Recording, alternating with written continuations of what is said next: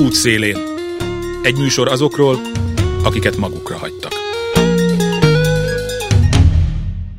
Jó napot kívánok, Józsa Márta vagyok. A minap egy dokumentumfilm fesztiválon jártam, egy olyan filmet néztem meg, amelyet iskolások videoblogjaiból vágtak össze.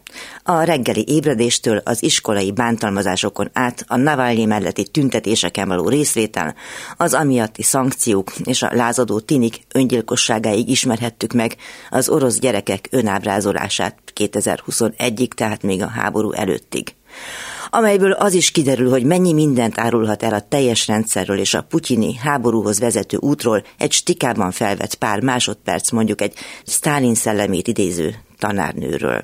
Hazafelé menet a moziból tőlünk egy sarokra nagy erőkkel helyszíneltek a rendőrök. Kiderült, hogy valaki a kocsmából a tököli útra dobott ki egy másik vendéget, az arra járó taxinak esélyesen volt megállni. A férfi azonnal meghalt, a tettest napokig körözték, majd elkapták. Úgy szóltak a tudósítások, a taxi elé lökte vita partnerét. Hát igen, ezt is nevezhetjük vitának. Lehet, hogy ez is a helyes kifejezés arra, hogy egy 30-valahány éves férfi az útteste dob egy 66 évest, függetlenül attól, hogy miféle eszmei polémia előzhette meg a tragikus aktust. Percig nem csodálkozom, ha körülnézek a közéletben, hogy a bulvár sajtó ezt nevezi vitának, mi mást. Ahogy például egy diktatúrában élő gyerekek vlogjainak képi világa, úgy egy bestiális gyilkosság leírásának nyelvezete is árulkodik a jelenünkről. Meg arról, amit vitának és partnernak gondolunk. Hát valami ilyesmit. Ahogy az is értelmezhető társadalom politikailag, hogy hol, hogyan készülnek a filmek. Közhely, hogy Stálintól Hitlerig jellemző volt a diktátorok figyelme a mozgókép iránt, és egy percig sem volt kételjük arról, hogy milyen hatásos, bár kétségkívül igen drága eszköz született a 20. század elején, mely alkalmas a tömegek manipulálására is. Az említett Manifesto című orosz film alkotói egy kockát nem forgattak, de vélhetően több ezer gyerek műveiből állították össze a mai Oroszország jövőjének igen sötét és rendkívül hiteles képét. Szerencsére mi itt a békéért harcolunk, ezért teljesen más problémákkal kell megküzdenünk. Mármint ami a filmipar misszióját illeti. Miközben legsikeresebb rendezőink jó részek görög, vagy szlovák, vagy szerb, és még ki tudja, milyen pénzből tud egyáltalán dolgozni, azért itthon is vannak tervek. Bár a rákai féle Petőfit még nem volt szerencsénk látni, már is belengedték a méltó folytatást, dokumentumfilm készül Ákosról. Az ezt bejelentő közlemény szerint az lesz a címe, hogy ember maradj kettős pont Ákos, és minden mozzanatával azt mutatja majd, hogy tárgya és főhőse egy rendkívül összetett személyiség. Nos, én ezt nem is vitatom, már csak azt hiányozna, hogy valaki véletlenül a vita partnerének tekintsem. Útszélen.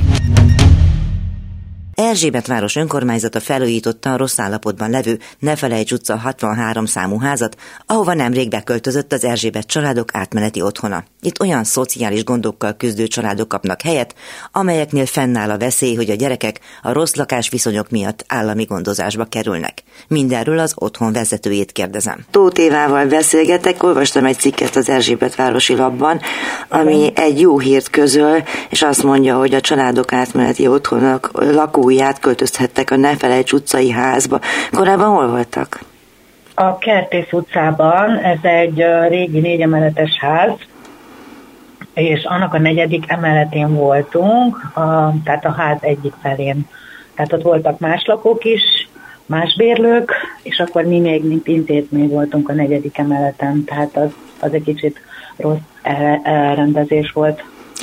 Kik a lakók?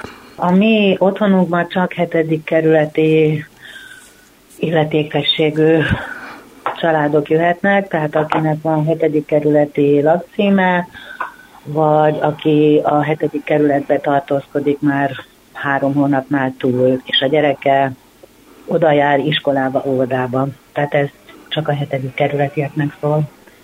És mit jelent az, hogy átmeneti otthon?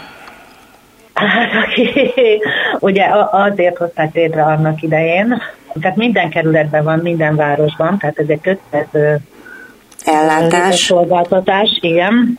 És hát az átmeneti azt jelenteni, hogy rövid ideig tartózkodnának a családok, amíg megoldódik a lakhatásuk. De hát ez nincs így, ugye, mert a, az ingatlan piac, azt tudjuk, hogy milyen drágák az albérletek, magas a devizahitel, és így másfél évig vannak bent nagyjából. Tehát a törvény úgy szól, hogy egy év, ez meghosszabbítható fél évvel, és, vagy az iskola év végéig.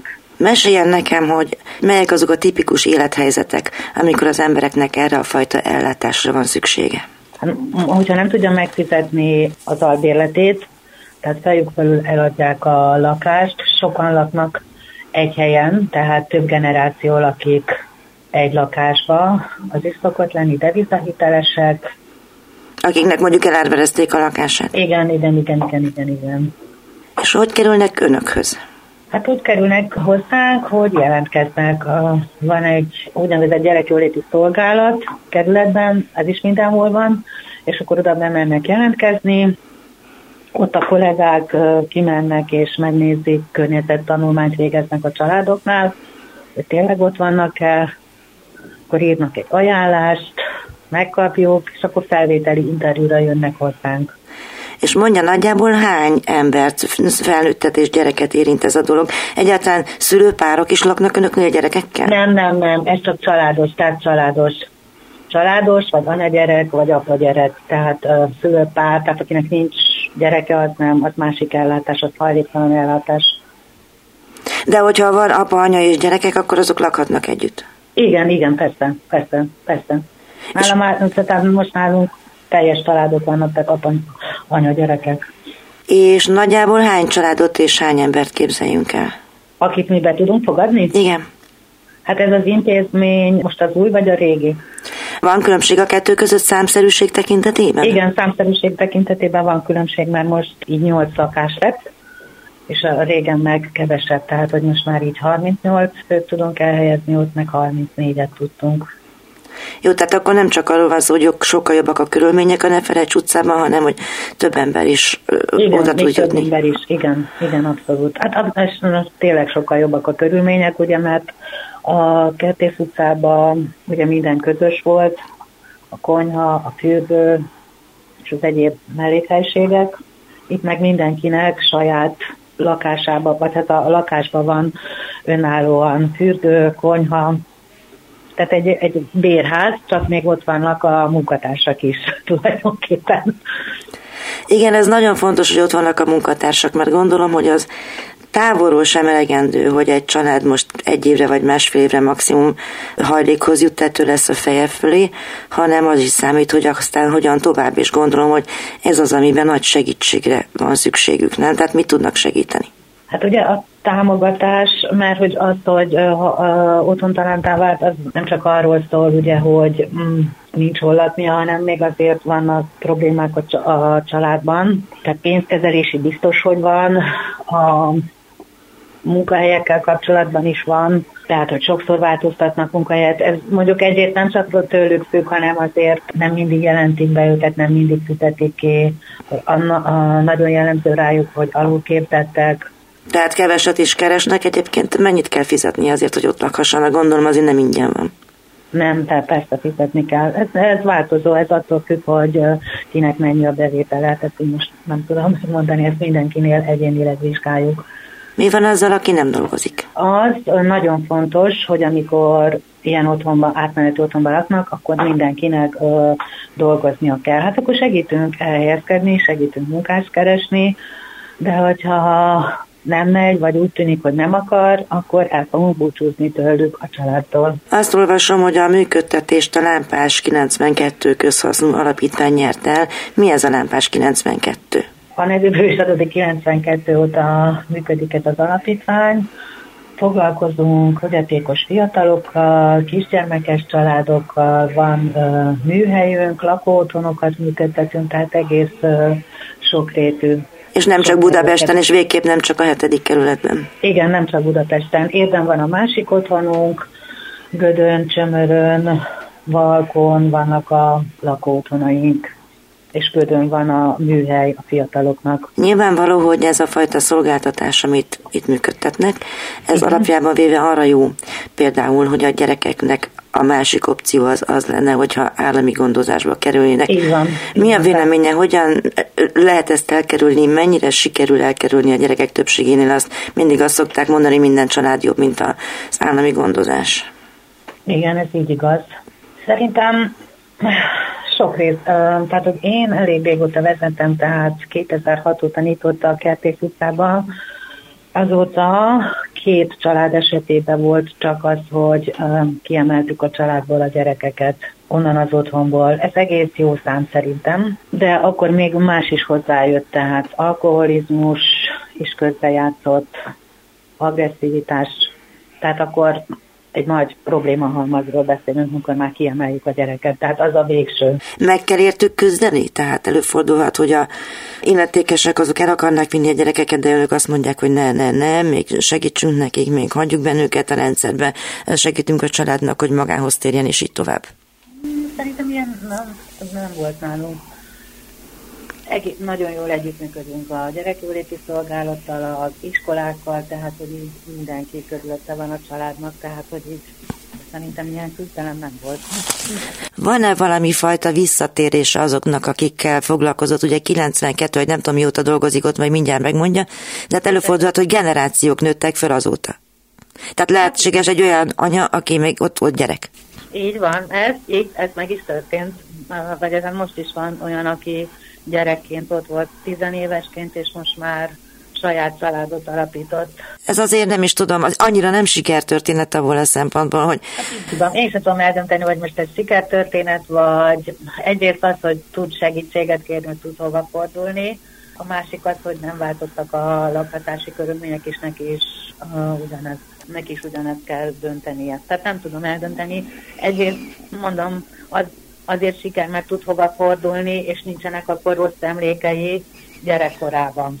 Mert azt mondja, hogy hát nekem ott nem volt rossz, és be tud jönni, de igen, tehát egyrészt jó, egyrészt nem. Ilyen kettősebben az érzésem.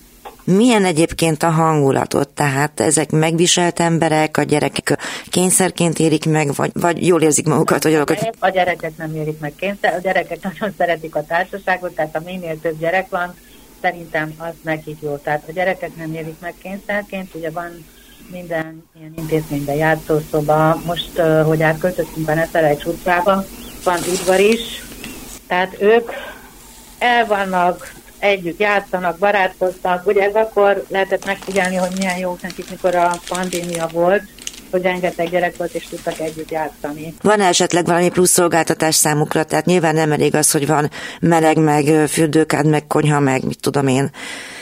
De van-e játszó lehetőség, vagy táborozási lehetőség, bármi egyéb? Igen, igen, igen, szerencsések vagyunk. Van a gyerekeknek az isko- a tanuláshoz mentora, önkéntes segítők, ezt a láthatatlan iskola kötött szerződés alapján biztosítjuk tehát ő, ők jönnek minden iskoláskorú gyerekhez korepetálni. Aztán van egy másik uh, alapítvány, az Age of Hope, velük is van egy szerződésünk, és ők a gyerekeket táborozni. Balaton, voltak külföldön is, mennek egy-két napra, tehát van ilyen lehetőség.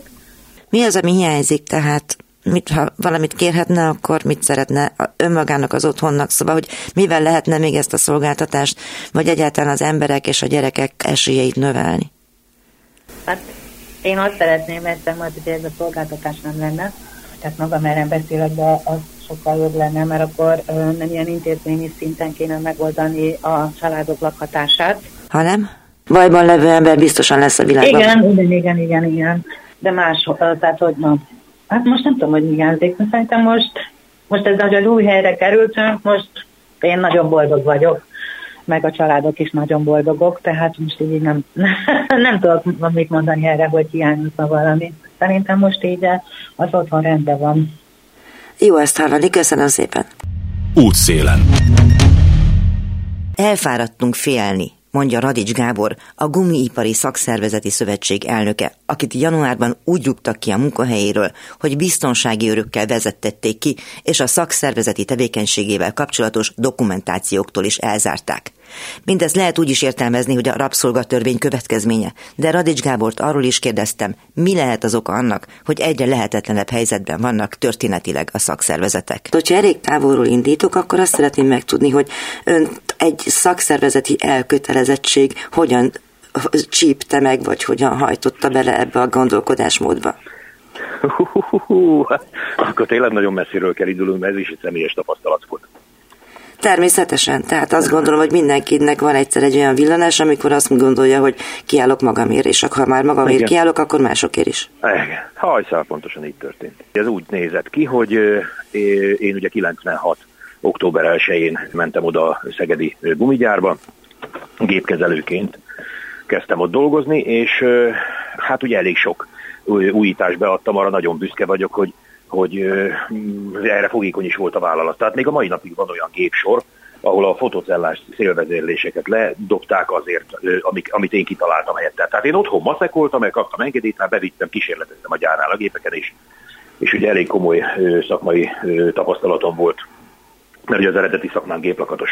Tehát sok, sok eredményt értem el. És aztán ez ment egész sokáig, aztán jött egy, egy olyan vezető, aki, akibe abszolút nem volt szociális érzékenység. Feleségem a lányom születése után 7 évig nem talált magának munkát, és aztán amikor végre munkát talált, egy hét múlva beteg lett a kislányom. Nyilvánvalóan a feleségem egy hét után nem jöhet el vele táppénzre, én eljöttem egy hét táppénzre. Ezt nagyon zokon vette az a vezető, és elkezdett emiatt hát pikkelni rám.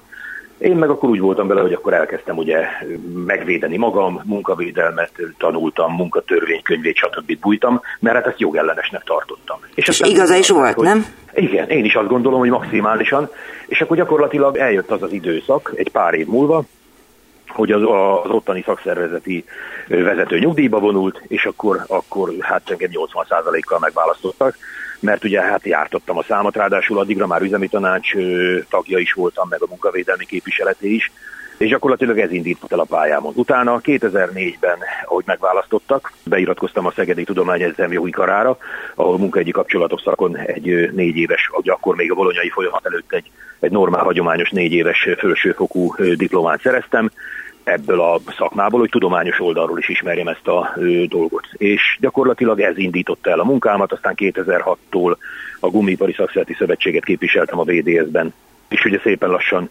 minden szervezetbe eljutottam, ami ugye a Magyar Szakszereti Mozgalomnak a a gerincét jelenti, ugye most a Magyar Szakszereti Szövetség, ugye az átalakult MSOS autonóm vonal volt ez. Szóval ezzel párhuzamosan helyi szinten, ugye a, a Continental AG-nak van egy úgynevezett európai üzemi tanácsa. Itt ugye a durván 150 ezer európai munkavállalókat tömörítő szervezetek, ugye hát szerintem 100-150 gyár lehet Európában a kontinentálon belül, és ezeknek az üzemi tanács elnökeit tömöríti ez a szervezet. Abban 2007 óta dolgoztam, aztán 2014-ben megválasztottak ennek a szervezetnek az elnökségi tagjának is, tehát gyakorlatilag nemzetközi szinten is benne voltam itt az érdekegyeztetésben folyamatosan, egészen 2022-ig a, lemondásomig, mert gyakorlatilag semmi eredményt nem, érte, nem értem el náluk, kizárólag azt éreztem, hogy ar, arra használják ezt a szervezetet a németek, hogy hát hogy ilyen, ilyen mellébeszéléssel leszereljék ugye azokat a problémákat, amiket mi fölvetünk, és igazi érdemi előrelépés soha nem történt. Ez ugye látszik onnan, hogy 2009-ben jeleztem először Prágában egy rendkívüli ülésen a makói kollégáknak a problémáját, és hát nagyon hosszú ideig semmiféle segítséget nem kaptunk sehonnan. Aztán ugye a sztrájk idejére addigra csúcsosodott ki, hogy már olyan szinten rossz lett itt a környezet, munkakörnyezet és a munkaegészségügy és egyéb körülmények tekintetében ez a cég, hogy az már ugye átütötte a nyilvánosságnak is az inger küszöbét. Ezt mesélj el, hogy mi ez a makói gyár, mi volt ott a probléma, nyilván nem emlékszünk rá, hogy mi lehetett, vagy lehet, hogy nem is volt olyan nagy publicitás. Hát a makói gyárnak ugye az a problémája, hogy, hogy hát nem igazán, nem igazán szociálisan empatikus vezetők vezették. Tehát folyamatosan azt lehetett tapasztalni, hogy a munkavállalókat olyan szinten használják ki, hogy, hogy a teljesítőképesség határáig jutottak el. Eleve nagyon nehezek a munkakörülmények. Úgy kell elképzelni, hogy ilyen több száz kilós kocsikat kell főleg a kazánon betologatni vulkanizáláshoz, ahol ugye 160 fokon vulkanizálják ki ezeket az autóipari alakos tömlőket, és ezek a, ezek a termékek ugye a, a technológia során rendkívüli hőterhelésnek vetik alá a munkavállalók teljes egész testét, de különösen a kezüket. Ugyanis a, a nyers termékeket azokat puszta kézzel kell föltolni a, a, ezekre a tüskékre, amik 80 foknál nem nagyon hűlnek lejjebb ugye a technológia során. Tehát emiatt eléggé, eléggé mm, hát mondhatom azt, hogy gyakorlatilag 15-20 éves kazános már nagyon-nagyon ritka, mert, mert tönkre megy az egészségük ebben.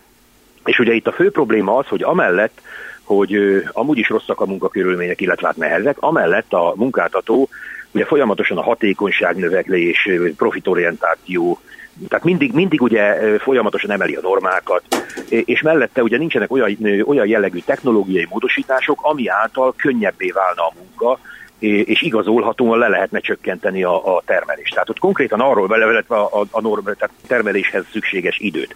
Tehát konkrétan arról van szó, hogy ugye itt mindig kifizettek mindenféle túlórákat a korábbi időszakokban, meg egyéb, egyéb ilyen plusz juttatásokat akkor, amikor, amikor valaki, hát hogy fogalmazzak, tehát többet akart keresni. És ezért ugye megnyomta a termelést. Viszont ez később már ugye alapértelmezetté vált, tehát hogyha úgy, úgy voltak mindig vele, hogy ha ezt meg tudják csinálni, akkor nyilvánvalóan ez lesz ezután a norma. Csak ezt ugye azt nem veszik figyelembe, hogy ezt ugye húzamosabb ideig nem lehet. Tehát most itt ugye például a, az indonéz munkásoknak, hogyha ők egyébként tökéletesen beválnának, két évig lehet megfeszített tempóba dolgozni, de húsz évig már nem. Tehát ezeket nem bírja az ember vázizomrendszere. És itt ez a fő problémánk, hogy ugye itt ennél a cégnél folyamatosan azt tapasztaljuk, hogy olyan szinten zsigerelik ki a munkavállalókat csak magával a munkakörülményeknek a, a folyamatos emelésével, szigorításával, hogy ez hosszú távon nem tartható fönn. Ezért van az a, hát én azt gondolom ténykérdéstként kijelenthető esemény sorozat, hogy ugye itt nagyon sok, sokkal, tehát a, a, a vállalatcsoporthoz képest sokkal több ennél a cégnél azoknak az embereknek az aránya az adataink szerint, akik a korábbi munkakörükre alkalmatlanná válnak. Tehát magyarul rokkantakká válnak, kiégnek, nem tudnak tovább dolgozni, és ez csökkenti a későbbi munkavállalási esélyüket, akárhova is mennek. Ezt elég jól összefoglalta most egy mondatba. Igen, igen. Igen, igen, igen. Például mivel lehet ilyenkor érvelni túl ezen? Teszem azt, tud-e egy szakszervezet olyasmiket javasolni, hogy ilyen meg olyan technológiai újítást vezessenek be, ami könnyebbé teszi az emberek munkáját? Hogy nem tudom, milyen plusz szabadság, bármi egyéb. Tehát mennyire állnak önökkel szóba, és mennyire tudnak tág körökben, mondjuk azt tudjuk, hogy a szakszervezet szokott bérharcot folytatni, de ezen túl még számos dologra van az embernek szüksége, nem csak a fizetésre. Persze, persze.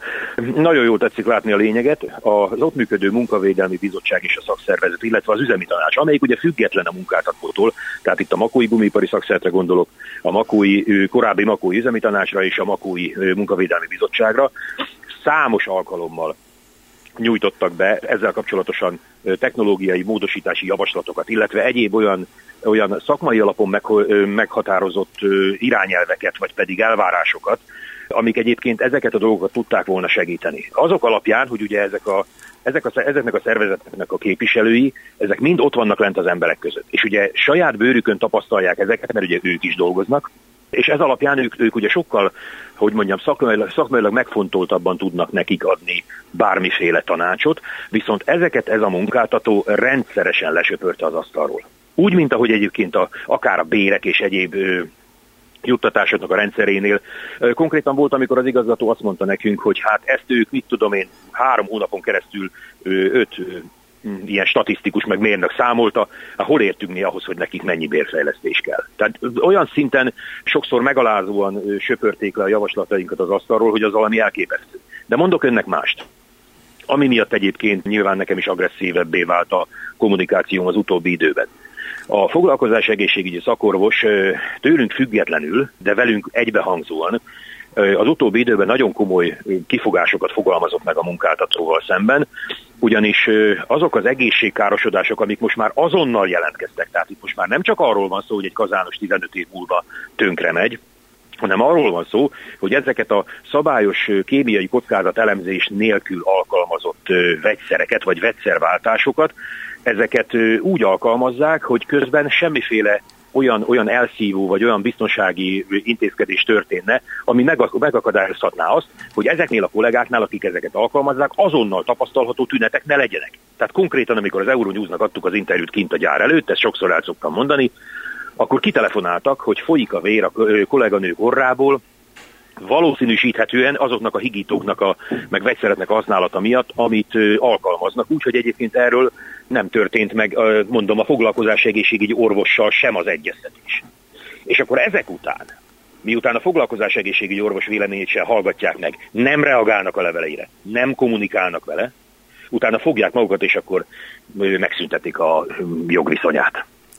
Minden esetre ez nem olyan kérdés, amiben mondjuk jogorvoslatot lehet fordulni akár bíróságon is. Tehát én azt gondolom, hogyha engem veszélyes munkának köteleznek, és azonnal lesz valami, vagy kicsit később lesz valami egészségügyi károsodásom, akkor azért a munkáltatom a felelős. Ez igaz, viszont hát ugye most, most pont azért beszélgetünk, mert engem annak ellenére, hogy nekem ö, többszörös védettségem van, azonnali hatája kirúgtak.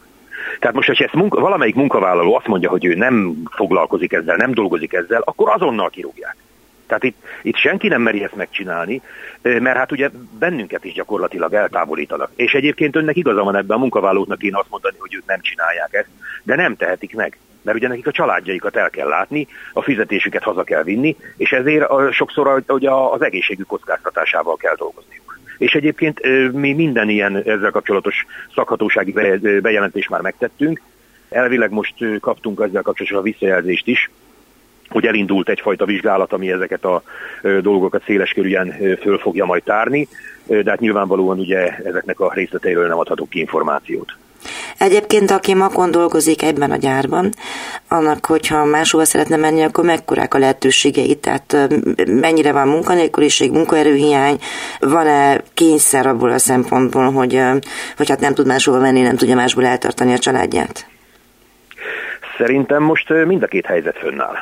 Tehát egyrészt lehet azért munkát találni, és erre egy nagyon jó példa az, hogy a sztrájk idején, illetve a sztrájk után, amikor kirugdosták a munkavállalókat, a közel száz embert, ak- akkor a környező vállalatok vezetői bennünket, a szakszervezetet kerestek meg azzal, hogy hát segítsünk már nekik átcsábítani a munkásokat hozzájuk, mert a makúi gumigyárban lévő munkások azok, azok nagyon jó hírben állnak, mint munkavállalók. Szóval, szóval van, voltak ilyen, ilyen kezdeményezés, természetesen nem tudtunk ezzel érdembe foglalkozni, de a jelenség az minden esetre értékelendő. Viszont a másik oldal az, hogy azért itt környező településekről is hordják be az embereket, meg hát ugye a magyar munkaerőnek a, a mobilitása az alapvetően még mindig nem, ért, nem érte el azt a szintet, mint a nyugati ö, társadalmakban. Tehát azért, hogyha valaki itt van, mit tudom én, tíz éve, nem olyan könnyen vált, mert ö, ugye attól fél, hogy a másik helyen se jobb. Tehát ö, mind a két dolog jelen van. Tehát azért találkozunk olyan kollégákkal, akik ugye erőszakkal távolítottak el, tehát kirugdosták őket. Sokan vannak közülük, akik találtak munkát, de vannak, akik, akik igazából, hogyha ha itt normális vezetés volna, és nem volnának ilyen borzalmas munkakörülmények, szívesen visszajönnének ide, mert azért itt, amikor ez a cég alakult 20 akárhány évvel ezelőtt, itt eleinte nagyon szerettek dolgozni, nagyon jó munkakörülmények voltak, és, és jó volt a fizetés. Hogy látja, hogy az, amit ön tapasztal ebben a makúi üzemben, az mennyire tipikus, és hogy lehet-e különbséget tenni mondjuk a között, hogy egy nyár az Makón van, vagy Miskolcon van, illetve hogy tudom is én Sopronban van, vagy Győrött van. Érti a különbséget? Tehát, hogy a... Értem, értem, értem. Mindenképpen van ö, régiós különbség, tehát egyértelmű, hogy a, a környezet, környező települések, vagy illetve a környező gyárak azok, azon az adott településen van, a környékén az egyértelműen meghatározza mind a jövedelem szintet, mind, mind egyéb körülményeket, de én azt gondolom, hogy a, a legnagyobb probléma itt az, hogy milyen a, azoknak a vezetőknek a, a hát hogy mondjam, a, a karizmája, a jelleme. Ugye egy, egy vezetőnek a jellemét az határozza meg, hogy hogyan bánik a, a hatalmában lévő emberekkel. Én Szegeden 10, 10 vagy 11 ügyvezetővel kötöttem kollektív szerződést az elmúlt 20 évben és ezek közül nagyon kevéssel volt olyan konfliktusom, amit ne tudtunk volna, sőt, nem is volt olyan konfliktusunk, amit nem tudtunk kezelni egészen a mostanáig, amikor ugye azonnali hatája kirúgtak számomra teljesen érthetetlen módon, és teljesen jogellenesen álláspontom szerint. de mindig azért az volt, hogy, hogy Szegeden mindig az élni és élni hagyni politikáját folytatták. Tehát tudjuk nagyon jól, hogy ezek a munkáltatók azért jönnek ide, hogy kizsákmányolják a munkásokat. Ez tény. Ezzel nem tudunk mit kezdeni, és nem is szabad, én azt gondolom. Itt egy dolgot lehet csinálni, a lehetőségekhez képest a legjobb körülményeket kiharcolni, úgy, hogy még egyébként az ő nyereségességük is megmaradjon. Tehát amikor ez a mérleg fölbillen, akkor van probléma. Tehát amikor már csak a profit érdekli őket, amikor már csak az érdekli őket, hogy, hogy minél hamarabb, minél többet kipumpáljanak belőle, mert mondjuk van egy olyan céljuk az, azzal az adott telephelyel, hogy akár eladják, kiszervezik, vagy bezárják, akkor ugye átbillen a ló túloldalára a dolog, mint ahogy egyébként ezt Koleroába is láttuk Franciaországba, amiről ugye lehet is a mércén látni ezt a filmet, ezt a dokumentumfilmet, hogy ott eldöntötték, bezárják a gyárat, és nem érdekelte őket, hogy mi történik azzal az 1200 emberrel. Tehát ez mindig a vezetőtől függ, és annak a, a, az erre, hogy mondjam, a, a lobby képességétől, hogy ezt a felső vezetéstől, tehát ugye az AG szintű, a, a központszintű vezetésnél mennyire tudja érvényhez juttatni, vagy pedig mennyire segít még arra rá, hogy, hogy ő, ő, ő még jobban rájátszik arra, hogy még, még jobban ki lehessen zsákmányolni azokat az embereket, akik ott vannak a telephelyen. Ez olyan érdekes, hogy már másodjára használja ezt a kizsákmánymolás szót, miközben egyrészt azt szeretném kérdezni, hogy ez a tulajdonos, vagy pedig a vezető, mert nem feltétlenül egy és ugyanaz a kettőnek az érdeke, a másik pedig, hogy nem merülhetne fel, nem merülhetnének -e fel azok a kortárs fogalmak, hogy nem tudom én, együttműködés vagy közös érdek, mert hogy tulajdonképpen szerintem ma már olyas valami sikeres, még is nem a kezdeti kapitalizmusban vagyunk, ahol mindenki motivált is abban, hogy mondjuk minden jobban menjen a gyárnak tökéletesen egyetértek önnel, és egyébként pont ezért mondtam el, hogy Szegeden az együttműködés az volt a, a, az alapelv. Viszont Makón egyértelműen a kizsákmányolás. És ez a kizsákmányolás, ez sajnos pont ahogy tetszik mondani, a kezdeti kapitalizmus időszakából tehát illetve, illetve úgy néz ki, mintha ugyanúgy, ugyanúgy a kezdeti kapitalizmus időszakában lennénk, de egyébként sajnos ez, ez a, a mi meglátásunk szerint egyértelmű tény, hogy itt kizárólag csak az számít, hogy, hogy minél hamarabb és minél többet kipumpáljanak belőle. Előadnak egy ilyen, egy ilyen család szemléletű, mézes-mázas madzagot, hogy, hogy aki itt van, az ugye az mindennek a közösségnek a része, és ugye, sőt, előhozták ezt a tulajdonosi szemléletet, hogy mi, mi tulajdonosi szemlélettel álljunk a gyárhoz, ez, ez, ez szabályosan a haja még áll tőle, és hogy úgy foglalkozunk vele, mint hogyha ez a mi gyárunk volna. És egyébként ez a gyár, amikor az érdeke úgy kívánja, úgy dob ki bennünket, mint egy darab szemetet. Tehát azt az érzést tessék elképzelni, hogy milyen volt nekem azt látni a polgármesteri hivatalban Makóna, amikor az egyik kollega, akit ugye betanították vele az indonéz kollégákat, és aztán elbocsátották, és mesélte nekem azt, hogy a, az egyik indonéz, akit betanított, az sírva ment oda hozzá, hogy hát most akkor te miattam veszítetted el az állásodat. Ez melyik gyár volt egyébként? Ez a makói, makói. Ugyanez a gumigyár. Persze, persze, persze. Én Tehát ezt nem tudom, mert meséljen erről az indonéz száról egy picit, aztán visszatérünk majd a munkaügyi részekhez, szóval, hogy azt én nem tudom, hogy oda hány embert vittek, minek vittek, lett volna a hát, helyükre más? Hát persze, persze, hogy lett volna. Ugye volt a sztrájk, arra tettek emlékezni. Igen. A sztrájk után, hát ugye mi azt valljuk, és ezt ugye ők következetesen tagadják, de hát azért a tények magas dolgok, ezt tudjuk, a sztrájk után egy, egy fél évvel ugye elkezdték kirúgdosni a magyarokat, és ismereteink szerint közel száz munkavállalót küldtek el, aminek egy jelentős része régi, régi dolgozó volt, és aktív szakszerti tevékenységet folytatott. Uram, bocsán, még a sztrájkba is hangoztatta a véleményét. És utána nem sokkal, hogyha jól emlékszem, de itt most a nem sokkal, de tényleg nem tudok, hónapok azért szerintem fél év, nem tudom pontosan mikor kezdték el, de az a lényeg, hogy utána jelent meg ez a jelenség, hogy hogy itt elkezdték ezeket az indonéz kollégákat szervezni, és hogyha jól tudom, két éves szerződést kötöttek azzal a céggel, aki őket úgymond importálta. Közvetítő cég. Hogy nem találnak. Igen, igen. Tehát azt, azt mondta az igazgató az egyik nyilatkozatában, hogy nem találnak magyar munkaerőt. Viszont előtte nem olyan nagyon sokkal, ugye kirúgtak egy csomó magyart akik ugye itt aktívan részt vettek ebbe, és egyébként nagyon érdekes szál a történetbe, hogy amikor elkezdték toborozni az embereket, akkor én úgy gondolom, hogy jelentős számba, de mondhatom azt, hogy jelentős számba próbáltak az elbocsátottak közül újra fölvételt nyerni a cégnél, illetve több olyan visszajelzésünk is van, hogy ezek ismerősei is jöttek volna a céghez, és egyszerűen válaszra sem méltatták őket. Ez törvénytelen. A törvényben az van, hogy magyar munkavállalót kell alkalmazni. Nem tudjuk bebizonyítani. Nem tudjuk bebizonyítani. És ugye az a szörnyű benne, azt mondják, hogy két hétre nem látnak előre, azért ilyen bizonytalan a helyzet, azért kell ugye ilyen hektikusan, hol túlóráznak, aztán meg hol elküldik őket pihenőre, tehát ilyen, ilyen össze-vissza ö, rendszerbe dolgoznak, és akkor azt mondják, hogy két hétre nem látnak előre, de azért az indonézekhez, indonézekkel meg kötnek két éves szerződést. Tehát nekem logikailag ez nem áll össze. Most jelenleg egyébként úgy tudom, hogy összességében talán 200 ö, indonéz főről volt szó, de még most is olyan 150 körül vannak, és ahogy tetszett látni, ugye most megint volt egy leépítési hullám, amiben megint az álláspontunk szerint, meg hát nyilván a saját nyilvántartásunk szerint olyan emberektől is megváltak, akik ugye nagyon komoly tapasztalattal rendelkeztek, de kinyitották a szájukat, és és hirtelen útilaput kötöttek a talpuk alá. De az a lényeg, hogy itt ugye a média ezt összekeveri nagyon sokszor. Tehát nem arról van szó, hogy kirúgják a magyart, és utána fölveszik az indonéz, hanem már eleve itt vannak az indonézek, és az indonézeket betanítatják a magyarokkal, és aztán a magyart meg elküldik. Ez tipikus. Ez sokkal aljasabb. Ez sokkal aljasabb, mint az, hogyha most idehoznák a, az indonéz kollégákat, mert előtte kirúgták a magyart, és akkor utána majd betanítanák ők. Tehát én szerintem ez sokkal megalázóbb helyzet. Egy zárójeles kérdés. Egyébként mi van az indonézekkel abban a tekintetben, hogy hol laknak, beilleszkedtek-e a város, elfogadta őket, ők maguk jól vannak-e, és hát gondolom az ők is érdekképviselet nélkül vannak. Erről nincs egyáltalán információnk.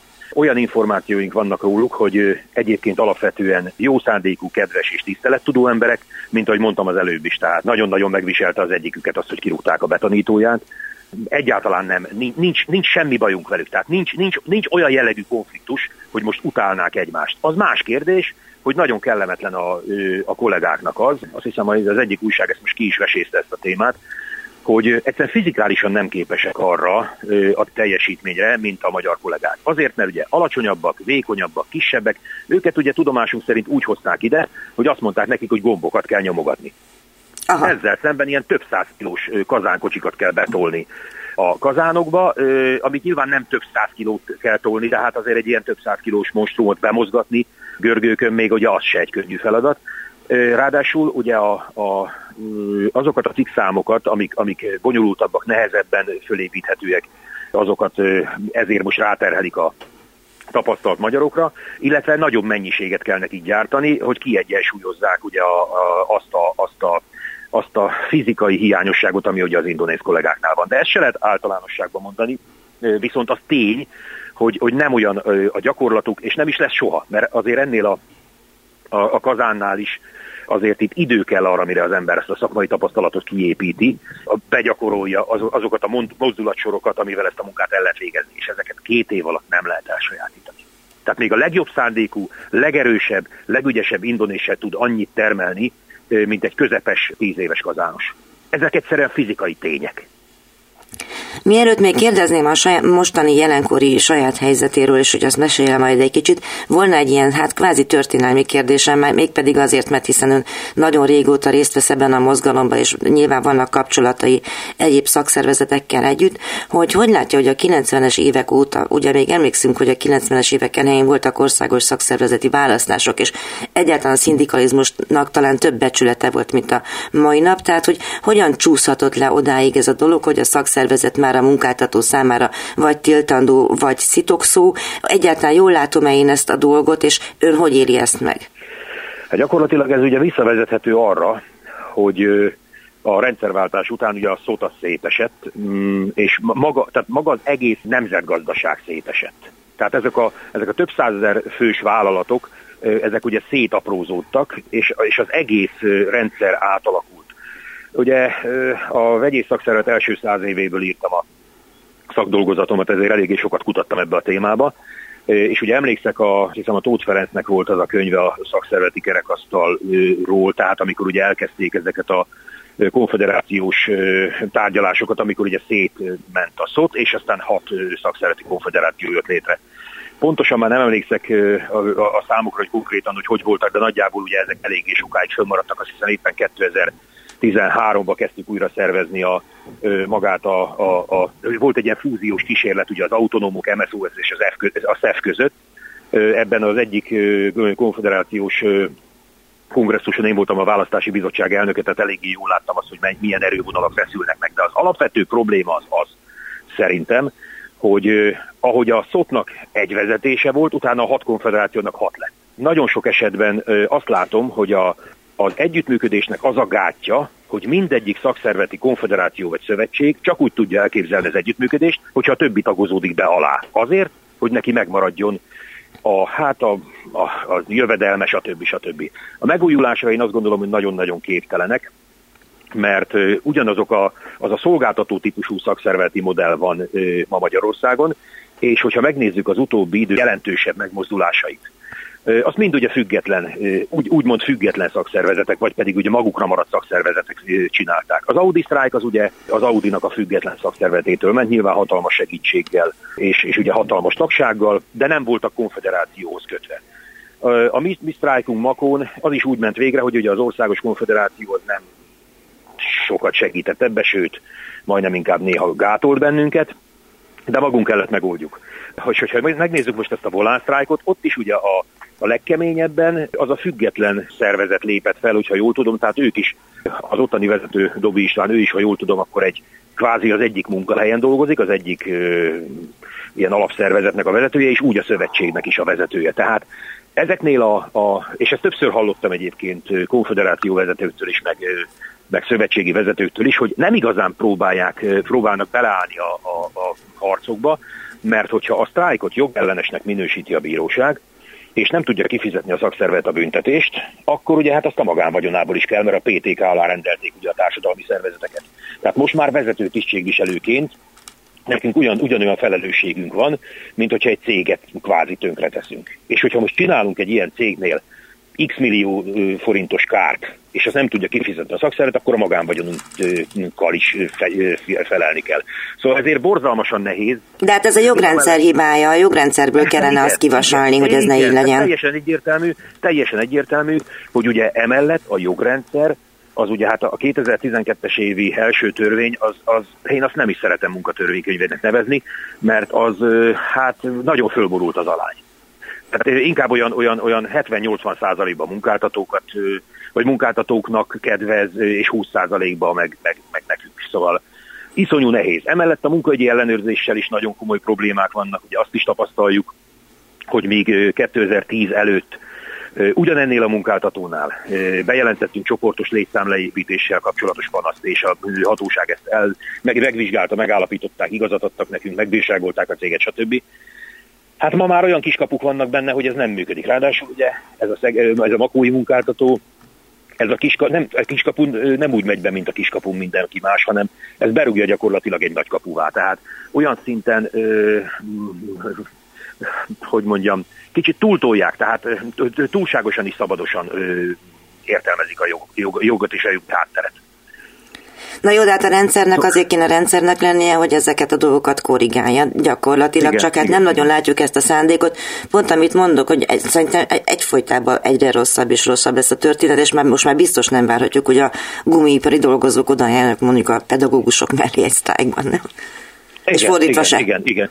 Igen, és egyébként tudja, mi a legnagyobb probléma? Hogy egyszerűen ö, idejük sincs rá, energiájuk sem, mert ugye úgy túl van terhelve mindenki, hogy örül neki, hogyha lerakja a lantot, és aztán ö, hazamehet. Tehát ugye ez az egész, ez az egész kultúra kíveszőben van, ö, mert, ö, és, és ezt nyilván nem lehet teljes egészébe csak a ö, jogszabályi háttérre fogni.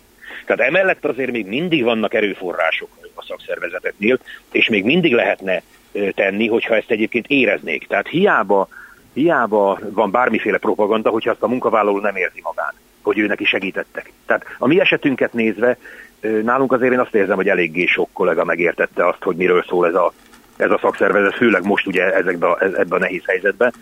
Rengeteg emberrel vagyunk kapcsolatban, akiket már kirúgtak, vagy pedig még ugye úgy tartanak, hogy nem kapnak semmiféle ellátást, de még a cég alkalmazottai, ez a néhány ember még, aki ugye itt a Makón ezt, ezzel a szabályjal élve a munkáltató, hogy nem bocsátja el őket, ugye egészségügyileg alkalmaznak, stb. Tehát ők érzik azt, hogy mi az, amit teszünk, és, ne, és ezeket nem kell magyarázni. De ettől függetlenül nagyon-nagyon kevés az, akit, akit egyébként máshol a, az országban hallok, hogy ilyen-olyan szervezethez tartoznak, olyan súlytalannak látják, és, és nem látják, hogy, hogy valóban tesznek értük valamit. Tehát amit 100-150 éve kiharcoltunk, az tulajdonképpen most megy a levesbe legalábbis. Az most elveszik. Az most elveszik. Az most el... És tudja, mi a legnagyobb bajom? Hogy ö, ezt sokan nem tudják, hogy a szakszervezet az mi alak, hogy alakult ki, hogy mi volt az eredeti célja. Az önsegélyezés. Tehát összeálltak az emberek, összeállt egy csapat ember, a fizetéséből egy kis pénzt félrerakott egy alapba, azért, hogyha valaki utcára kerül, akkor őt tudják segélyezni. De ma nem ez van. Ma nem ez van. Nagyon sokszor tapasztaltuk azt mi is, hogy rossz helyzetbe került pár évvel ezelőtt ugye a Makói Gumipari Szakszervezet egyik tisztségviselője, és kértük a felsőbb szakszereti szervtől, hogy hát ugye átmenetileg akkor, akkor biztosítsák azt, hogy, hogy, hogy neki fizessünk onnan, mert ugye elvettek tőle ezt, meg azt, meg azt, és nem. Az elnököknek ugye meg kell tartani a magas fizetésüket, meg az ők is hogy mondjam, működésüket azt finanszírozni kell, be kell fizetni a tagdíjat. És egyáltalán nem érdekelte őket, hogy az, aki viszont lent, ott több száz ember érdekeiért harcol, az miből él meg. Mert őt ugye a munkáltató kicsinálta. Most az ön sorsa az érdekele valakit foglalkoznak-e? Ugye arról van szó, hogy 27 év után végkielégítés nélkül távoznia kell, vagy hát magyarul kirúgták ettől az intézménytől. Annyit meséljen el ebből, amit, amennyiből nem lesz baja. Nekem már semmiből nem lesz bajom, már, már, már teljesen immunis vagyok ezekre a dolgokra. Tehát most már átléptek azon a határon, hogy, hogy tudjon érdekelni. Ugye a legutolsó mm, per amit a nyakunkból kaptunk, tehát hiába írnak akár mekkora számokat, már nem félünk egyáltalán, és nem ijedünk meg. Egyszerűen elfáradtunk, elfáradtunk félni. Most az van gyakorlatilag, hogy eddig csak a Gumipari Szakszereti Szövetség képviseletét láttam el ingyen, most ezután a Szegedi Gumigyár szakszervezetét is ingyen kell ellátnom, ugyanis onnan nem tudnak kirúgni. Az egy munkáltatótól teljesen független szervezet, ezért az ugyanúgy vinnem kell tovább. Nincs olyan, aki, aki átvenni ezt. Egyébként én már le akartam rakni a lantot az előző választás előtt, tehát már egy éve nem lennék itt, mert, mert egyszerűen belefáradtam. Tehát 20 éve csinálom, és egyszerűen e, elég volt, nem akartam tovább, de nem volt olyan, aki átvette volna, akinek biztonsággal látottam volna adni, mert nem merték vállalni mert ugye ez nagyon komoly konfliktussal jár. Most viszont ugye az van, hogy azt kell valahogy megoldjuk, hogy azt az időszakot, ameddig a bíróság visszahelyez, mert nekem meggyőződésem, hogy vissza fognak helyezni, hiszen ez az elbocsátás, ez teljes egészében jogellenes álláspontunk szerint, és azt az időszakot kellene valahogy átélni. Ezért most a Makói Gumipari Szakszervezet kezdeményezte a VDS-nél, hogy a, a tagdíj befizetést azt felfüggeszthessék arra az időre, ameddig ugye a per tart, és akkor ezt a pénzt azt átutalassák a Gumipari Szövetségnek, hogy, hogy akkor abból fizessenek nekem bért. Ugyanis a Gumipari Szövetségbe 50 forintos tagdíjat szedünk évente a tagoktól, és hát ez ugye összességében így 600 ezer forintos éves bevétel, ebből nem lehet semmit csinálni. Sokszor még ugye a költségeimet sem bírom kivenni belőle. Úgyhogy most bízunk benne, hogy a VDS meghozza az ezzel kapcsolatos szükséges és, és helyes döntést, és akkor legalább a számláimat ki fogom tudni fizetni, aztán majd meglátjuk, mi lesz. Egyébként, egyébként nyilván a helyi szervezet, tehát a helyi szakszervezetnél is vannak ilyen hangok, hogy többen belépnének, esetleg tagdíjat is többet bevállalnának, hogy ezt valahogy túléljük, mert nyilván ez egy olyan helyzet, amire, amire senki nem számított. Mégiscsak van még szolidaritás. Én azt gondolom, én azt gondolom, tehát nagyon sok támogatást kapok a kollégáktól, de régi barátaim hívnak fel, hogy nincsen pénzük, de minden hónapban tudnak adni 10 ezer forintot azért, hogy legalább kenyére legyen pénzem. Nyilván nem akarok idáig eljutni, hát 27 éve dolgozok ennél a cégnél, rohadt sokat letettem az asztalra, és azt gondolom, hogy ezt, ezt nem is, nem én nem érdemlem meg, hanem a szakszervezeti mozgalom nem érdemli meg. Tehát az, hogy így eltávolítani valakit, aki egyébként felügyelőbizottsági tag, üzemi tanácselnök, munkavédelmi bizottság elnöke, és egyébként a szegedi telephelynek a, az ügyeihez semmi köze nincs annak, hogy én országos szinten a társadalmi szervezetben betöltött tisztségemmel élve harcolok a makói munkásokért, ami a feladatom, tehát ezért kirúgni, ez, ez abszolút jogellenes. Tehát ezt, ezt, ezt nem, nem tudom hova rakni. Szóval igen, hát azt gondolom, hogy tényleg nagyon sok hibás és nagyon sok hibázott történelmi folyamat emögött, van emögött, továbbá jogi folyamat, úgyhogy én azért is kértem, és köszönöm, hogy beszélgettünk, hogy ezt tekintsük egy kicsit át, mert azt gondolom, hogy a nagyon-nagyon sok munkavaló, munkavállaló van most ott, hogy az útszélén hagyták, és gyakorlatilag senki Igen. nincs, akit hagynának az érdekeit képviselni. Igen, igen. És ez a legszörnyűbb benne, hogy tulajdonképpen én azt mondom, hogy nem ördögtől való az, amit csinálunk, mert az, hogy volt egy film, ugye a 2012, nem tudom, tetszik emlékezni, vagy látta-e, ebbe volt egy mondás, ami nekem nagyon megtetszett. abban a pillanatban, amikor nem állunk már ki egymásért, megszűnik bennünk minden, ami emberi. Én azt gondolom, hogy ebbe benne van minden. Ez lett a végszó.